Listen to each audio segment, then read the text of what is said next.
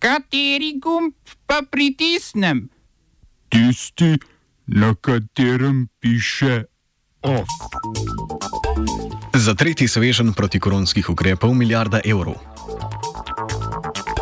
Gorenje je zmanjšalo število napovedanih odpovedi.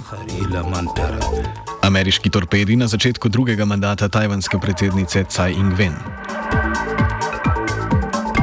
Spletni seminar Mitološke migracije, umetnik kot kurator o sodelovanju in organizaciji v Kibli.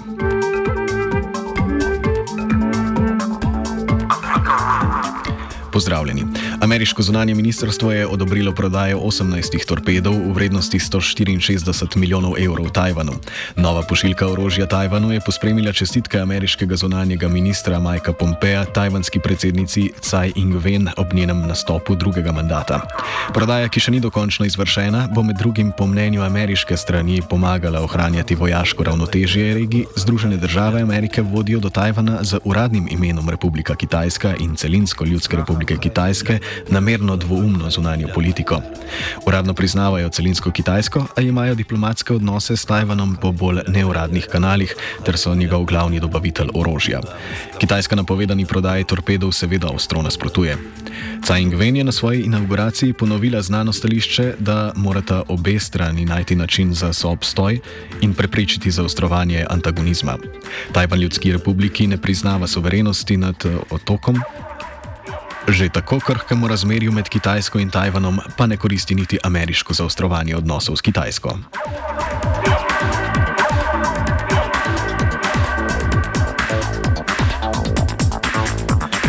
V ZDA so medtem aretirali nekdanjega, pri, eh, nekdanjega pripadnika specialnih enot, znanih kot Zelene Baretke, in njegovega sina, ki sta na japonskem obtožena pomoči pri pobegu iz države nekdanjemu direktorju Nisana, Carlosu Gosnu. Na zahtevo Japonske sta bila v Massachusettsu aretirana Michael Taylor in njegov sin Peter Taylor, ki sta po razlagi japonskega toživstva Carlosa Gosna na japonskem lani skrivala v velik črn kovček, v katerem je z zasebnim letalom zbežal v Libanon. Za izročitev Gosna je Interpol letos Libanonu izdal rdečo tiralico. Na japonskem je Gosan obtožen kršitve zaupanja podjetja Nissan in zlorabe sredstev. Nissan ga toži za 85 milijonov evrov. V Turčiji so ta mesec obtožili sedem ljudi, vključno s štirimi piloti, da so Gosnu omogočili pobeg v Libanon prek Istanbula.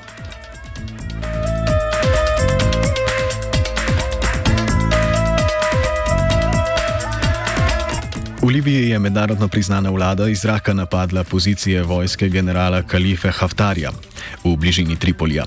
Haftarjeve sile, ki leto dni oblegajo prestolnico Tripoli, potem ko so zauzele celoten vzhod Libije, so že začele z umikom iz prve frontne linije na jugu mesta. Zatem so jih ob podpori turškega letalstva napadle sile vlade narodne enotnosti. Haftar naj bi se umaknil 2 do 3 km od Tripolija, da bi ob koncu Ramazana olajšal razmere živečim v mestu. A umik sledi tudi izgubi ključne letalske baze Al-Watija, edine Haftarjeve letalske baze na zahodu države. Turčija je z vstopom v vojno na strani tripolitanske vlade očitno vsaj malce premešala karte, saj je Haftar v zadnjem mesecu izgubil več manjših mest. Zaradi napadov turških dronov trpi tudi dobava dobrin za vzhoda na zahod. Oba, če, bom odgovoril na angliški. Uh, uh, Slovenija bo poskušala pomagati. Slovenija bo naredila naš utmost, da bo rekla, da je situacija naš problem, sami. In da bomo naredili nadaljnje korake, as soon as the conditions are. Bomo vlado Marjana Cererja, Marjana Cererja Šarca podprli. Zelo, zelo resno. Slovenija. We know how and we will. Iz podjetja Hisense Gorenje so sporočili, da ponovno zmanjšujejo število napovedanih odpuščanj. V proizvodnem podjetju Gorenje naj bi na mesto 544 delo izgubilo 327 delavcev, v invalidskem podjetju IPC pa bo število odpovedi na mesto 84 manjše od 29. Dela naj tako ne bi moglo izgubiti oba zakonca ali zunaj zakonska partnerja. Na seznamu presežnih delavcev naj tudi ne bi bilo staršev samohranilcev.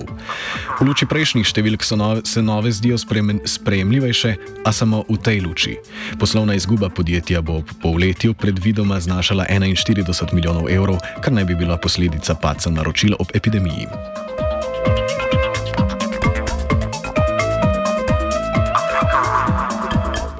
Vlada je potrdila predlog tretjega paketa protikoronskih ukrepov, ocenjen, ocenjenega na milijardo evrov. V predlogu je med drugim predvidena schema subvencioniranja skrajšanega delovnika.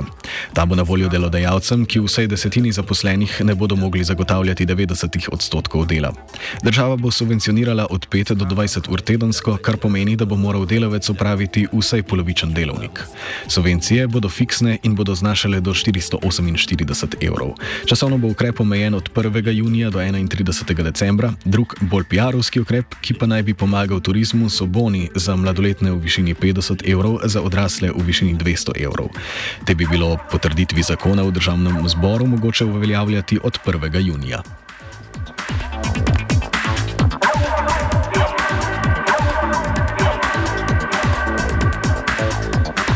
Finančni minister Andrej Šircel pričakuje, da bo tretji paket Republika Slovenija krila predvsem s pomočjo Evropske unije. Prek instrumenta za začasno podporo zmanjševanju tvegan za brezposelnost v izrednih razmerah, znanega pod kratico ŠUR, naj bi Slovenija po Širclevi oceni dobila 900 milijonov evrov. Instrument je potrdil svet Evropske unije, ob njem pa naj bi Evropska unija izdala obveznice v vrednosti do 100 milijard evrov. Za obveznice bodo jamčile države članice, kar pomeni, da mora vseh 27 držav članic članic podati poroštvo, da bi instrument lahko zaživel.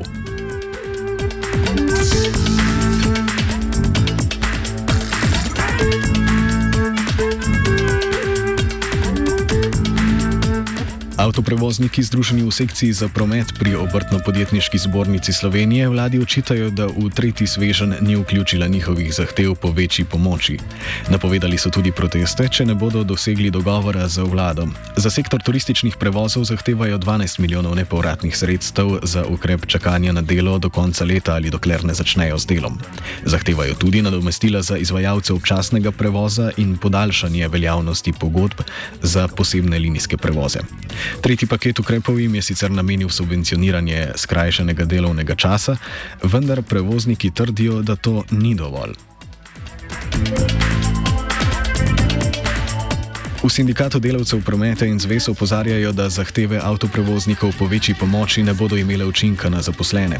Zakaj razloži generalna sekretarka sindikata Saša Kumer? Gre za panogo, ki je izrazito podhranjena, kar se tiče delovskih pravic.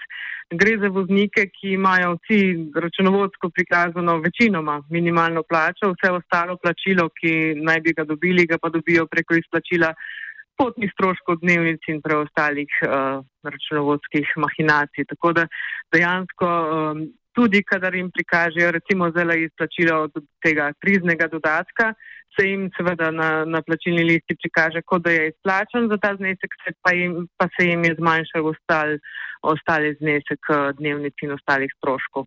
Tako da um, tudi, ko se dvigne minimalna plača in vse, vse ostale stvari, ki so zakonsko določene, pravzaprav na izplačilo delavca to nikakor ne vpliva. Um, Izplačilo pa je ponovadi, no, vsaj tako je v tej branži navada, um, v centih na kilometr in, in, in tako naprej. Tako da to so stvari, na katere mi že dolgo leta upozarjamo. Problem je seveda dejstvo, da nimamo kolektivne pogodbe v tej dejavnosti in da so standardi res izredno nizki. Um, tako da velik primankljaj obstaja tej, v tej panogi tudi, kar se tiče nadzora nad uh, razno raznimi kršitvami.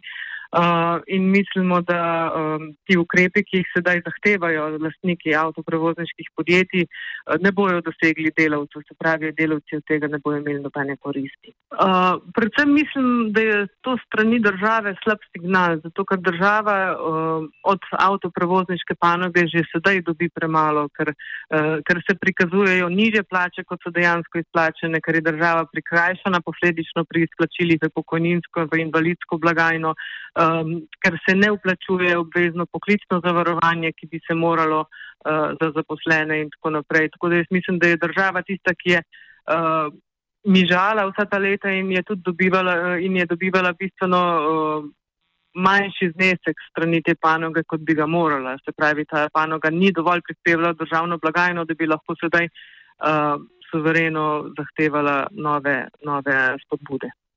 OF je pripravil Martin.